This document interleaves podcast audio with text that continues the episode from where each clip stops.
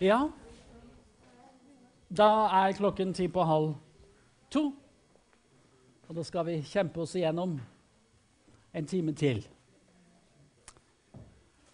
Eh, vi har så avsluttet opprettelsen av Menighetsfakultetet og går videre eh, med temaet 'Fra kirkestrid til kirkefred under krigen'.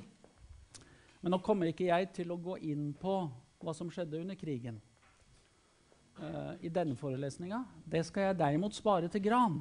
Da skal jeg snakke mye om krigen. Det var noe annet under krigen.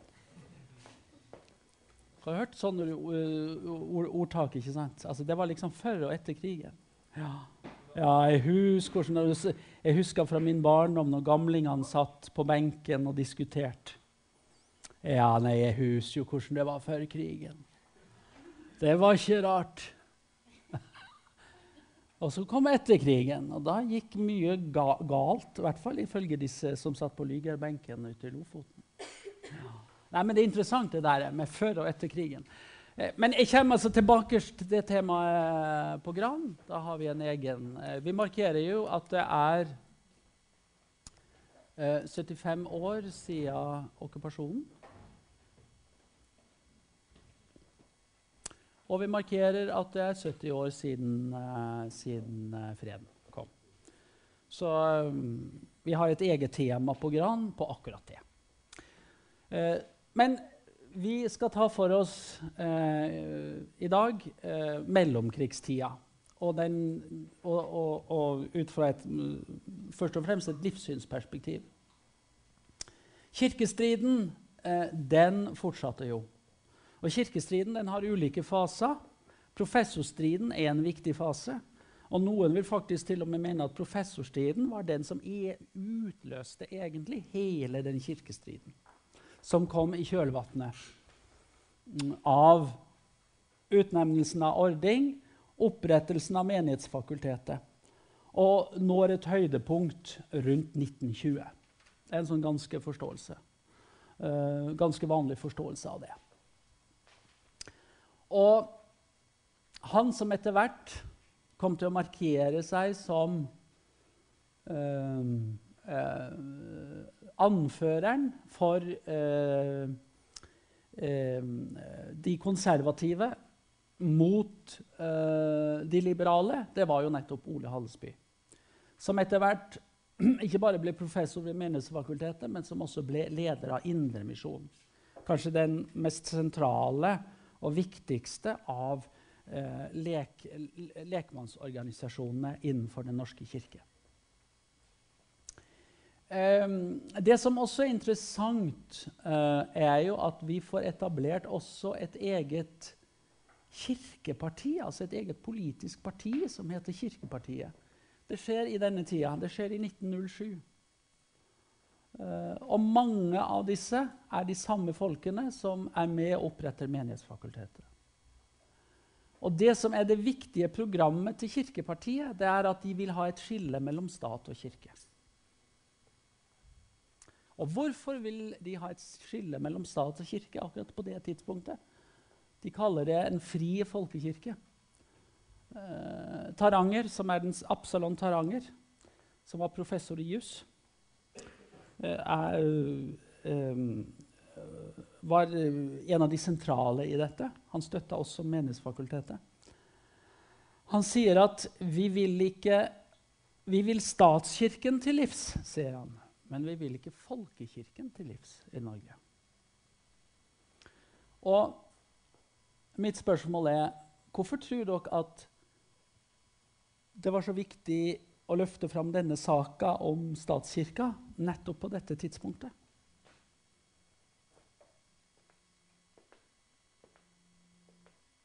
Det er kanskje litt, litt intrikat.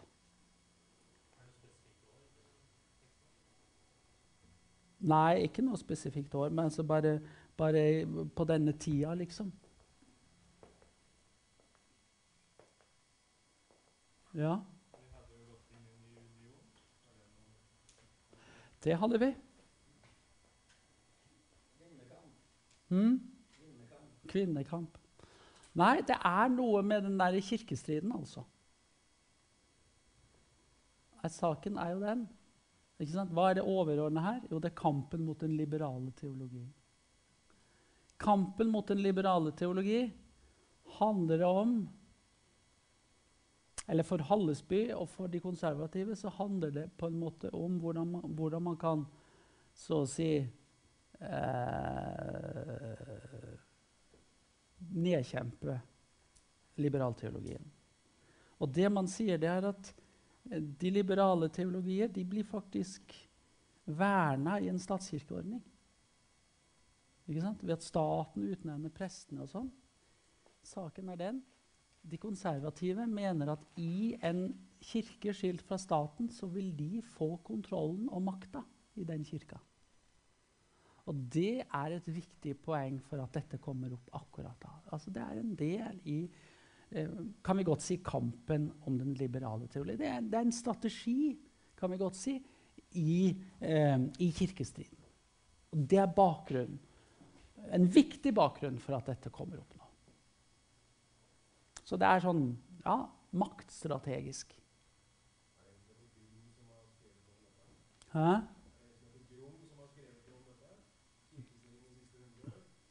Grung?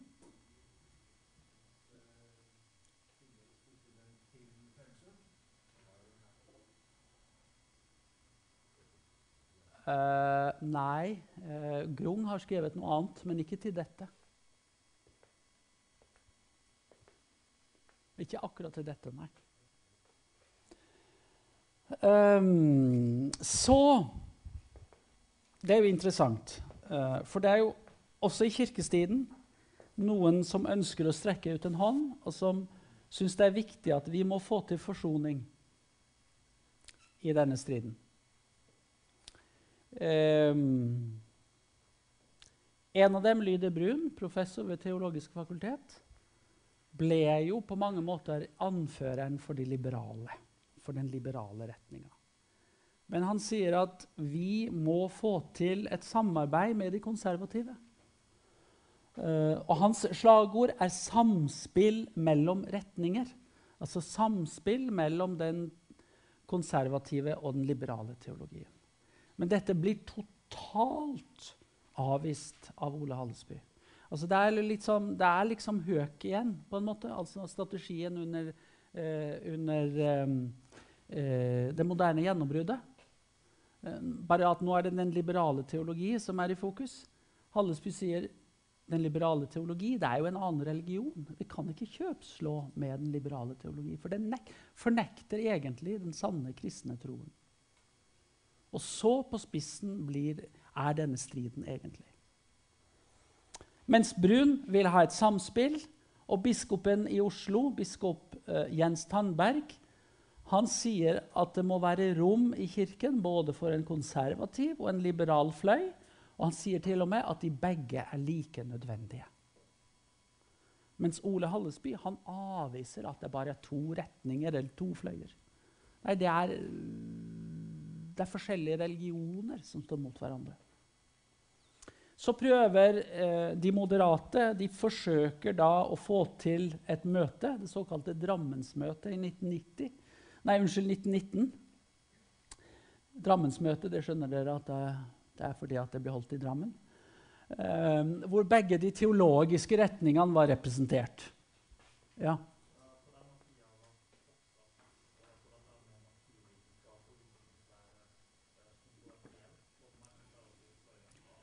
Ja, til dels kontroversielt. Men så det kommer, kommer, det andre ting inn i bildet også etter hvert. Og det er jo marxismen, tydeligere. Og, og, øh, og, og Freud og freudianismen. Og så er det jo rasetenkning kommer inn. Men den får faktisk ikke veldig stor betydning i kirka. en eller annen grunn, Og det er ganske interessant. Ja. Uh, altså, så den, hva skal vi si, den reinhekla naturalismen kommer jo inn. Uh, og, og, utfordrer selvfølgelig Kirken i større grad her på dette tidspunktet. men vi kommer litt tilbake til det. Uh, så de forsøker da seg på et Drammensmøte, og, eller på møte, et møte i Drammen, og hvor Brun og Tandberg står bak innbydelsen.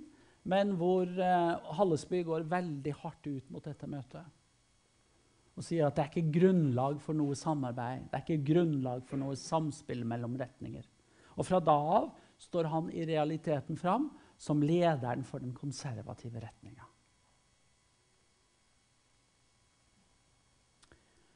Uh, ja.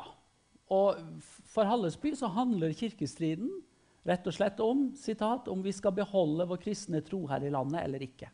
Altså så, så hardt setter han det hele på spissen. Og dermed så avviste jo Hallesby egentlig de liberale sin eksistensrett i kirka. Og påsto at TF underviste i en annen religion enn det som var kirkens religion. Og den ble da dosert på Menighetsfakultetet. Slik at TF ble jo i denne striden kan vi si kjetterforklart. Hallesby tilhører jo også de som eh, ønsker å oppløse statskirken av de sånn maktstrategiske hensyn som vi har vært inne på. Og denne striden den toppa seg i det såkalte Karl Meyer-gatemøtet i Kristiania i 1920. Det ble holdt eh, i det som var det største bedehuset i Norge. Faktisk det største forsamlingshuset i hele Norden på dette tidspunktet, nemlig i Kalmeiergatens misjonshus i Kristiania. Huset er for, for lengst revet. Og det var, På dette møtet så var det utsendinger fra alle de kristne lekmannsorganisasjonene i Norge. Det var nærmest et konsil, et kirkemøte, for den norske lekmannsbevegelse. Unnskyld. Og der diskuterte man mange ting. Der diskuterte man strategier i forhold til kristne skoler. Men det som dette møtet først og fremst er blitt kjent for, det er jo at man eh, at man nettopp diskuterte kirkestriden og da kampen mot den liberale teologi. Det var bakgrunnen for at man kalte inn til dette møtet. Og resultatet av dette møtet, En av de viktige resultatene av dette møtet det er det at, at man vedtok en boikottlinje mot de liberale teologene. Altså De vedtok å boikotte de liberale teologene gjennom å si at alt frivillig samarbeid med liberale skulle man ikke innlate seg på.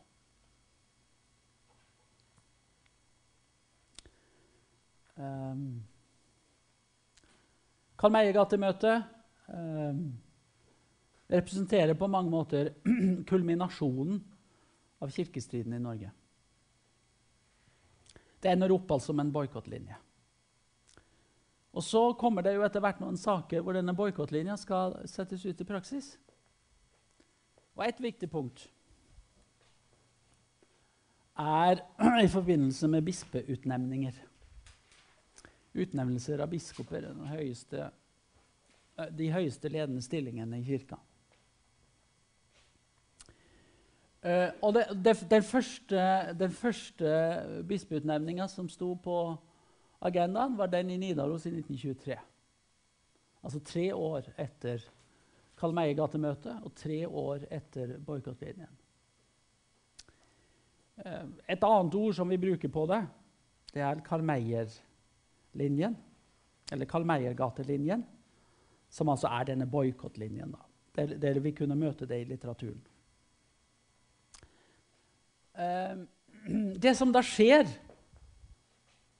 i 1923, det er at den liberale kandidaten til, til biskop Jens Gleditsch blir utnevnt av regjeringa.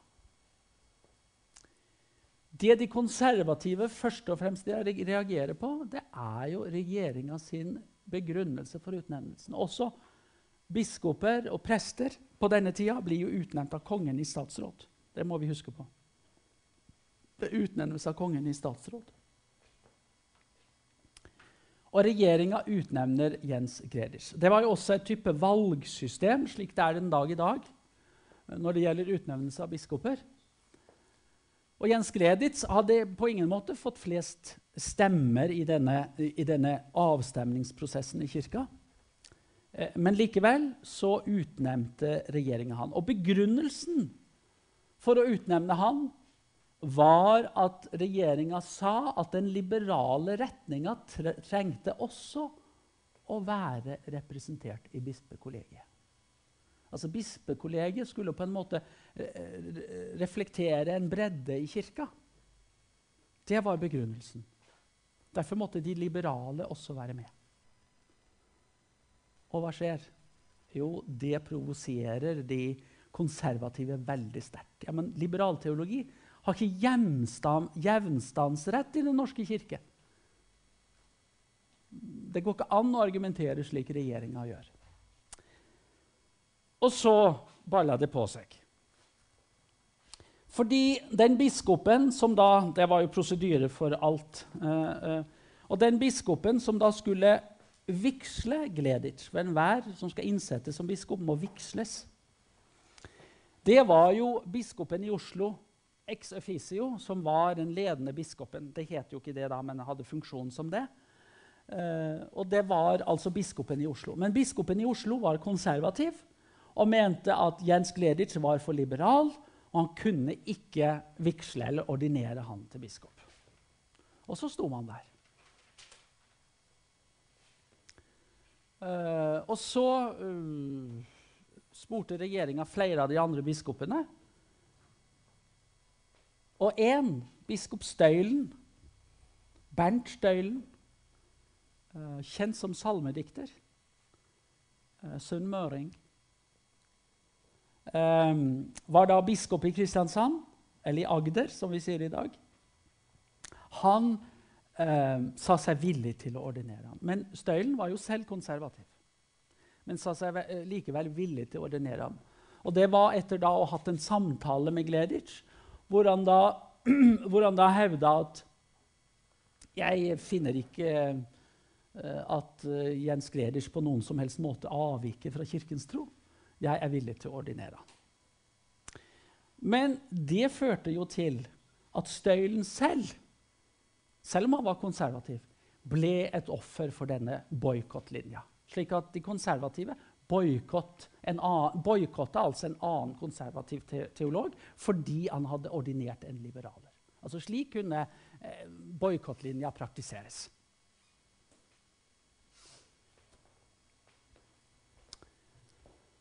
Og for eksempel eh, var det jo snakk om at det skulle være et felles møte da, i, i domkirka i Kristiansand.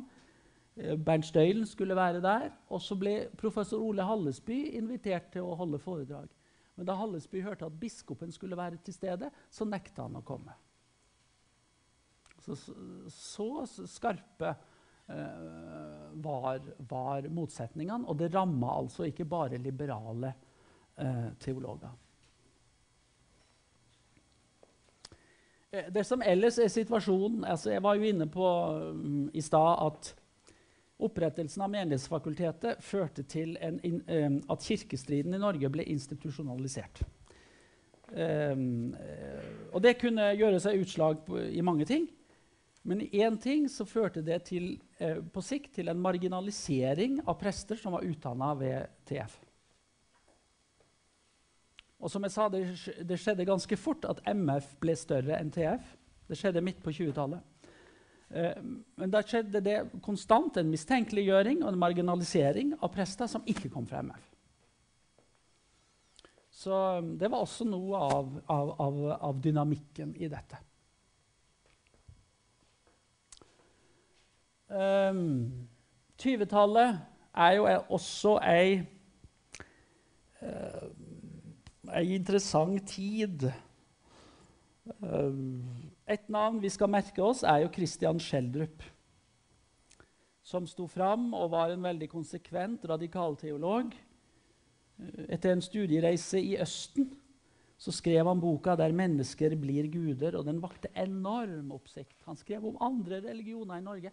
Altså, det er helt utrolig at, at, at, en sånn bok kunne vekke så stor oppsikt på 1920-tallet, men det forteller noe om om, om datidens samfunn og det homogene norske samfunnet, som ble veldig overraska når en teolog kunne skrive positivt om andre religioner. Og så ble han veldig også omstridt når han skrev en bok med tittelen 'Hvem Jesus var, og hva Kirken har gjort ham til'. Altså, da gikk han jo konsekvent inn i studiet av den historiske Jesus og sier at Kirkens Kristus er en, er en annen enn den historiske Jesus som vandra omkring i Galilea. Også dette vakte veldig stor altså, Det var bare en konsekvens av historiske studier. ikke sant? Av historisk-kritiske studier, Men vakte en enorm oppsikt. Og da han søkte stilling som sogneprest ut på Værøy og Røst i Lofoten i 28, så var han eneste søker, men han fikk ikke embete. Fordi at kirkestatsråden mente at han var ut fra sin forhold til skrift og bekjennelse, så var han ukvalifisert. Det hører jo med til historien at Kristian Schjelderup etter krigen ble biskop i Den norske kirke. Biskop i Hamar. Det skal vi komme tilbake til.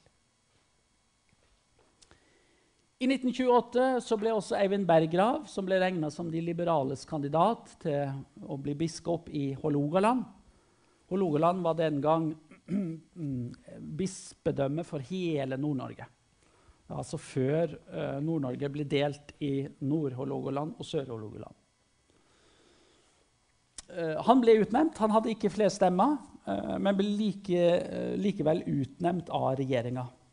Det vakte en viss strid, men ikke sånn stor strid som med utnevnelsen av Gleditsch noen år før. Men etter hvert så begynner denne kirkestriden å uh, bli uttømt. Um, vi får et nytt, et nytt, klima i 1930-årene uh, hvor, hvor, kirkestriden uh, toner ut. Det som er viktig også å få fram, det er jo at mellomkrigstida i Norge som ellers i Europa er en veldig urolig tid eh, ei sosial, politisk, kulturell krisetid på mange måter.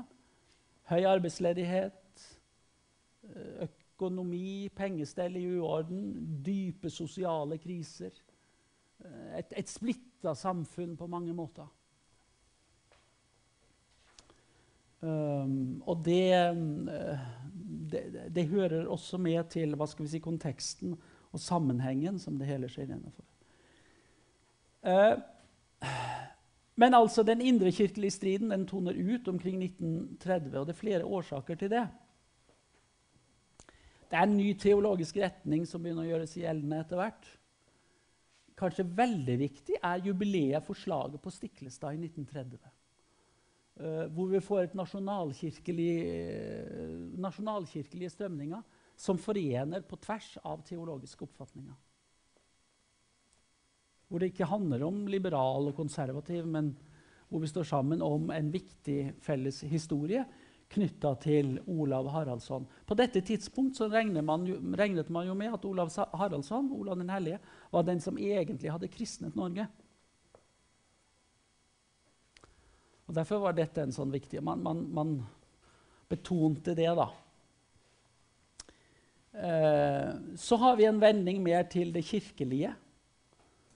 Eh, en kritikk av dette, dette, skillet mellom konservativ og liberal. Altså. Eh, det kom en ny tid, et nytt klima, som vektla litt andre ting. Uh, kirken ble viktig. Uh, slagordet 'Vi tror på dogmene' var det en teolog som formulerte i denne tida. Vi ser noe av det samme i Europa. Så får vi en annen viktig bevegelse som uh, kommer inn i 30-årene. Den såkalte Oxford-gruppebevegelsen. Som hadde sitt utgangspunkt i USA. Uh, og som var en, en, en, en, ganske utypisk vekkelsesbevegelse. Som først og fremst henvendte seg til de øverste klassene i samfunnet, borgerskapet. Forretningsmenn, vitenskapsmenn, hadde, de hadde slike house parties hvor de delte religiøse erfaringer med hverandre osv. Det var litt sånn uh, Det er overklassens vekkelsesbevegelse på mange måter. Og den falt heller ikke inn i dette mønsteret liberal-konservativ. Her var det folk fra begge leirer som ble med og ble formet av Oxford-gruppebevegelsen. Som altså var internasjonal, overkonfesjonell. Men hvor dette var uh, med det moralske og, og uh, var en viktig side og ble vektlagt. Men uten å være pietistisk. ikke sant? De satt på hotell og røykte sin sigar og sin, uh, sin whisky. Altså, ja, jeg fortegner litt, da. Men uh, altså det var en annen bevegelse enn en, en den radikale lekmannsbevegelsen på grasrota i Norge. for å si det sånn. Forfattere, journalister uh, ble, ble, grepet av dette.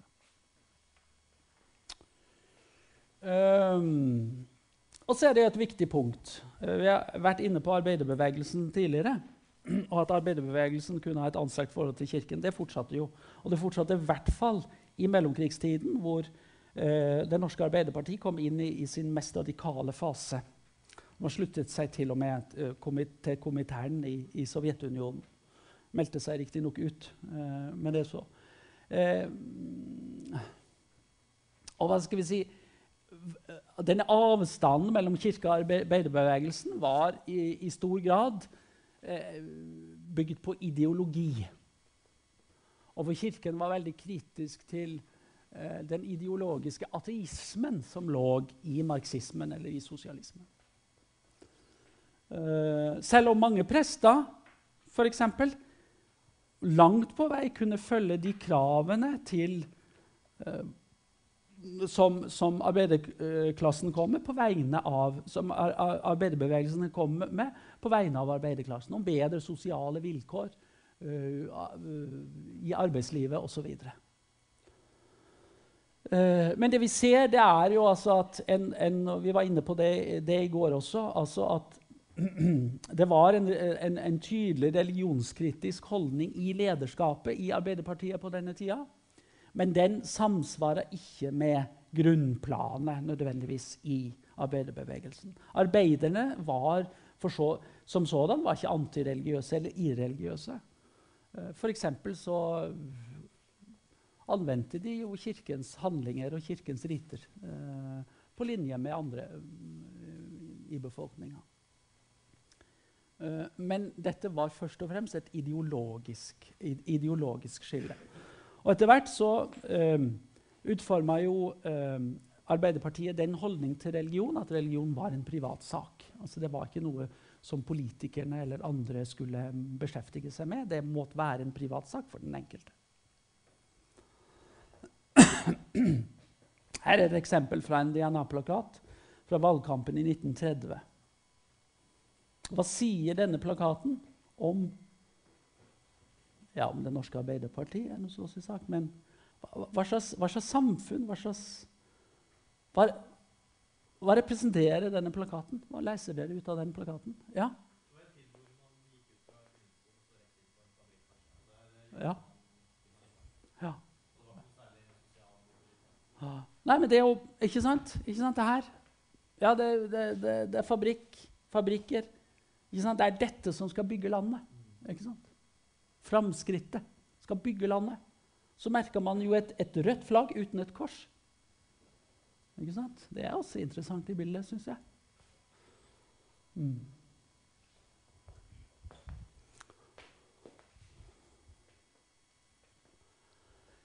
Så kommer vi, og det skal vi bruke de neste ti minuttene på.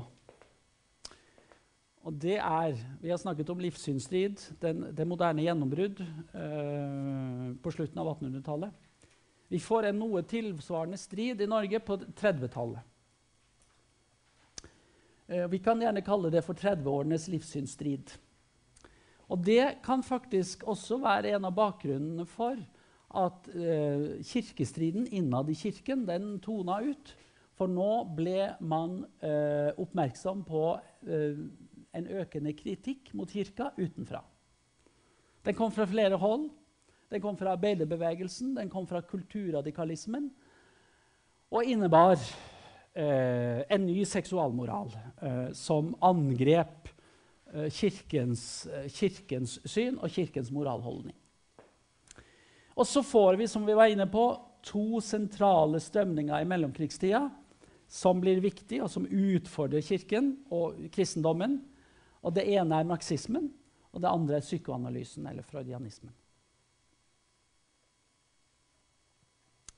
Eh, det norske Arbeiderpartiets program bygde jo i denne fasen på marxismen. Og marxismen fungerte jo i realiteten som et livssyn. Uh, og som et alternativt livssyn til kristendommen. Uh, hvis vi skal peke på noen viktige livssynselement i marxismen, så kan vi jo snakke for det første om at mennesket er historisk bestemt. Det er historia som former mennesket, bestemmer hvordan mennesket er.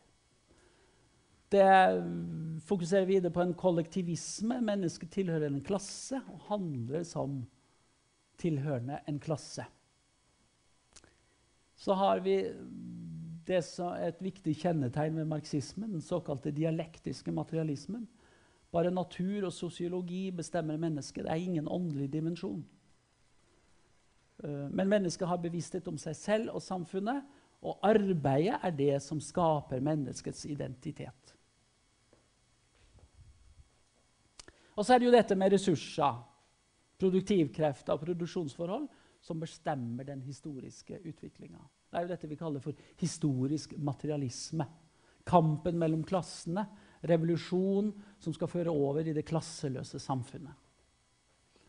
Uh, men i, i, Altså det er, det, er, det, er, det er produksjonsforholdene som egentlig bestemmer historiens utvikling og samfunnets utvikling. Mens ting som religion og moral eh, det tilhører det Marx kaller overbygninga, i motsetning til basis, som er disse håndfaste tingene som produksjonsforhold og økonomi. alle disse tingene. Eh, religion og moral eh, er overbygningen, og det er egentlig ikke det som former samfunnet overhodet. Religion og moral er egentlig bare en refleks av produksjonsforholdene i et samfunn. Og religion blir da ut fra dette sett på som noe sekundært. Eh, religion eh, reflekterer egentlig bare det bestående samfunn og må bekjempes på linje med det bestående samfunn. Det er den mest konsekvente delen av marxismen som sier det. Eh, det er interessant å se det, denne livssynsstriden som vi får uh, på, på, på, i, i 30-tallene, i relasjon til uh, det moderne gjennombrudd som vi hadde i 1870- og 80-årene. Det er en del interessante paralleller mellom 1870- og 80-årene og 1930-åra. For det første er det forfattere som nå i 30-årene også går i brodden for den nye kulturradikalismen. Vi snakker gjerne om det radikale trekløveret. Det er Øverland, Sandemose og Hol. Og de gikk til angrep på kristendommen og kirka som en åndelig maktfaktor i det norske samfunnet. Og Et viktig stridsemne var jo da den nye seksualmoralen. Og Dette innebar jo egentlig en popularisering av Freuds, Freuds uh, psykoanalyse. Der seksualitet som vi vet, spilte en sentral rolle. Hvor han sier at seksualkrafta er den sterkeste krafta i mennesket. Og man polemiserte da mot uh, det man oppfatta som kristendommens seksualfiendtlige holdning. Sa den var usunn, den var unaturlig, den var skadelig. I stedet skulle man ha eh, seksuell eh, frihet. Dette så vi jo også i var et, et viktig, en viktig side faktisk med det moderne gjennombruddet i 1870- og 80-årene. Men vi har fått inn elementer som ikke var til stede da. Vi har fått inn marxisme, vi har fått, fått inn psykoanalysen. Uh, polemikk mot Kirkens nei til sex utenfor ekteskap og nei til prevensjon. Det er jo ganske interessant at I 1929 så var en, de, en, av, en viktig sak på Presteforeningens møte i Oslo uh, hvordan, man, hvordan, Kirken skulle forholde seg til preventiver. Til prevensjon. Um, Eh, polemikk eh, mot Kirkens eh, eh seksualsyn, eh, ekteskapssyn, Uh, I 1870-80-årene var liksom fri kjærlighet uh, nøkkelordet. Det er det samme nå. Seksuell frihet. Og man uh, snakker om kameratekteskapet. altså ikke et, ikke et, formelt inngått ekteskap, men et kameratekteskap. som ikke har noen juridisk forpliktende ved seg. Og det er jo, det er jo forgjengeren til eh, samboerskapet, som jo etter hvert har blitt veldig vanlig. Uh, et, en viktig side av dette er jo også det her med Det aktualiserer Det aktualiserer dette med, med, abort og abortproblematikken allerede, allerede på dette tidspunkt. Eh, abort var i utgangspunktet eh, straffbart. I denne situasjonen var det sentrale eh, representanter for kvinnebevegelsen som arbeidet for prevensjonsopplysning. og, og, og arbeiderbevegelsens kvinner var også viktig i dette arbeidet. og man sa at retten til å avgjøre barnetallet det, handle, det, det, det, var et spørsmål om det man kalte mødrenes klassekamp. Det var mødrenes klassekamp. Og man etablerte såkalte mødrehygienekontor i Kristiania. Uh, og etter hvert også andre steder. Og I 1937 så var det 14 slike kontor, uh, kontor rundt omkring som skulle gi prevensjonsveiledning, men som også skulle bidra. Altså, dette er forgjengeren til disse mor og barn-stasjonene, eller hva det nå heter. Jeg er kommet helt ut av, eh, ut av det der nå. Men uh, hva, hva, heter det? Heter det mor og barn-stasjoner nå? Nei. Heter dette det i vår tid? Jeg husker Da jeg var ung, da het det ikke det. Da var det Nei, dere skjønner hva jeg mener. Helsestasjon. Takk skal du ha! Nå hørtes jeg plutselig veldig gammel ut. Ja, Kirka var kritisk til alt dette. Uh, og advarte mot midler som kunne hindre at liv ble til. For arbeiderbevegelsen var prevensjon, mødrehygienekontor, det hadde viktig en sosial side. Det handler om uh, å bedre arbeiderklassens kår. Ja.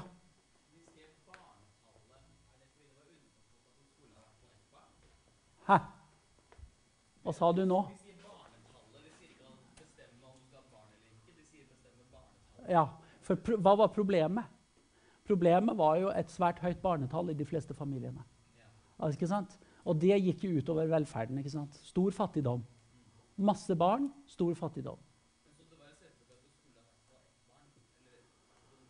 Ja, du skulle du, du, du, Nei, det primære var at du skulle ha færre barn for på en måte å øke velferden. Det, det, det var det viktige. Så kom jo Carl Evang, den senere helsedirektøren, med eh, det han kalte populærtidsskritt for seksuell opplysning. Og det hadde jo eh, en viss utbredelse i 30-årene, hvor man ga prevensjonsveiledning og, all, alle disse tingene. Eh, litt sånn til de brede, brede masser.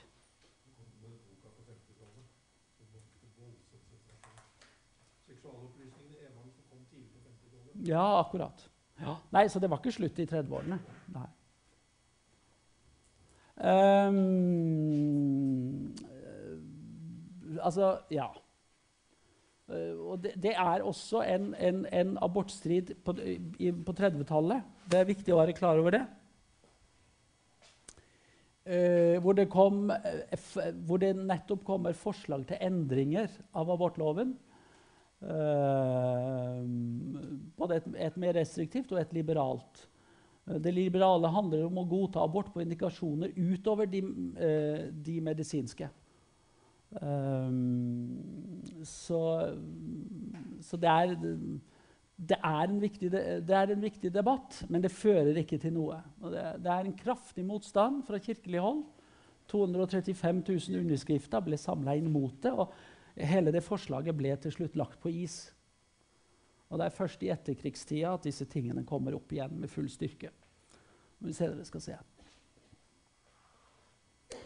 eh, så er det så, Og dette er også en livssynsstrid, ikke sant?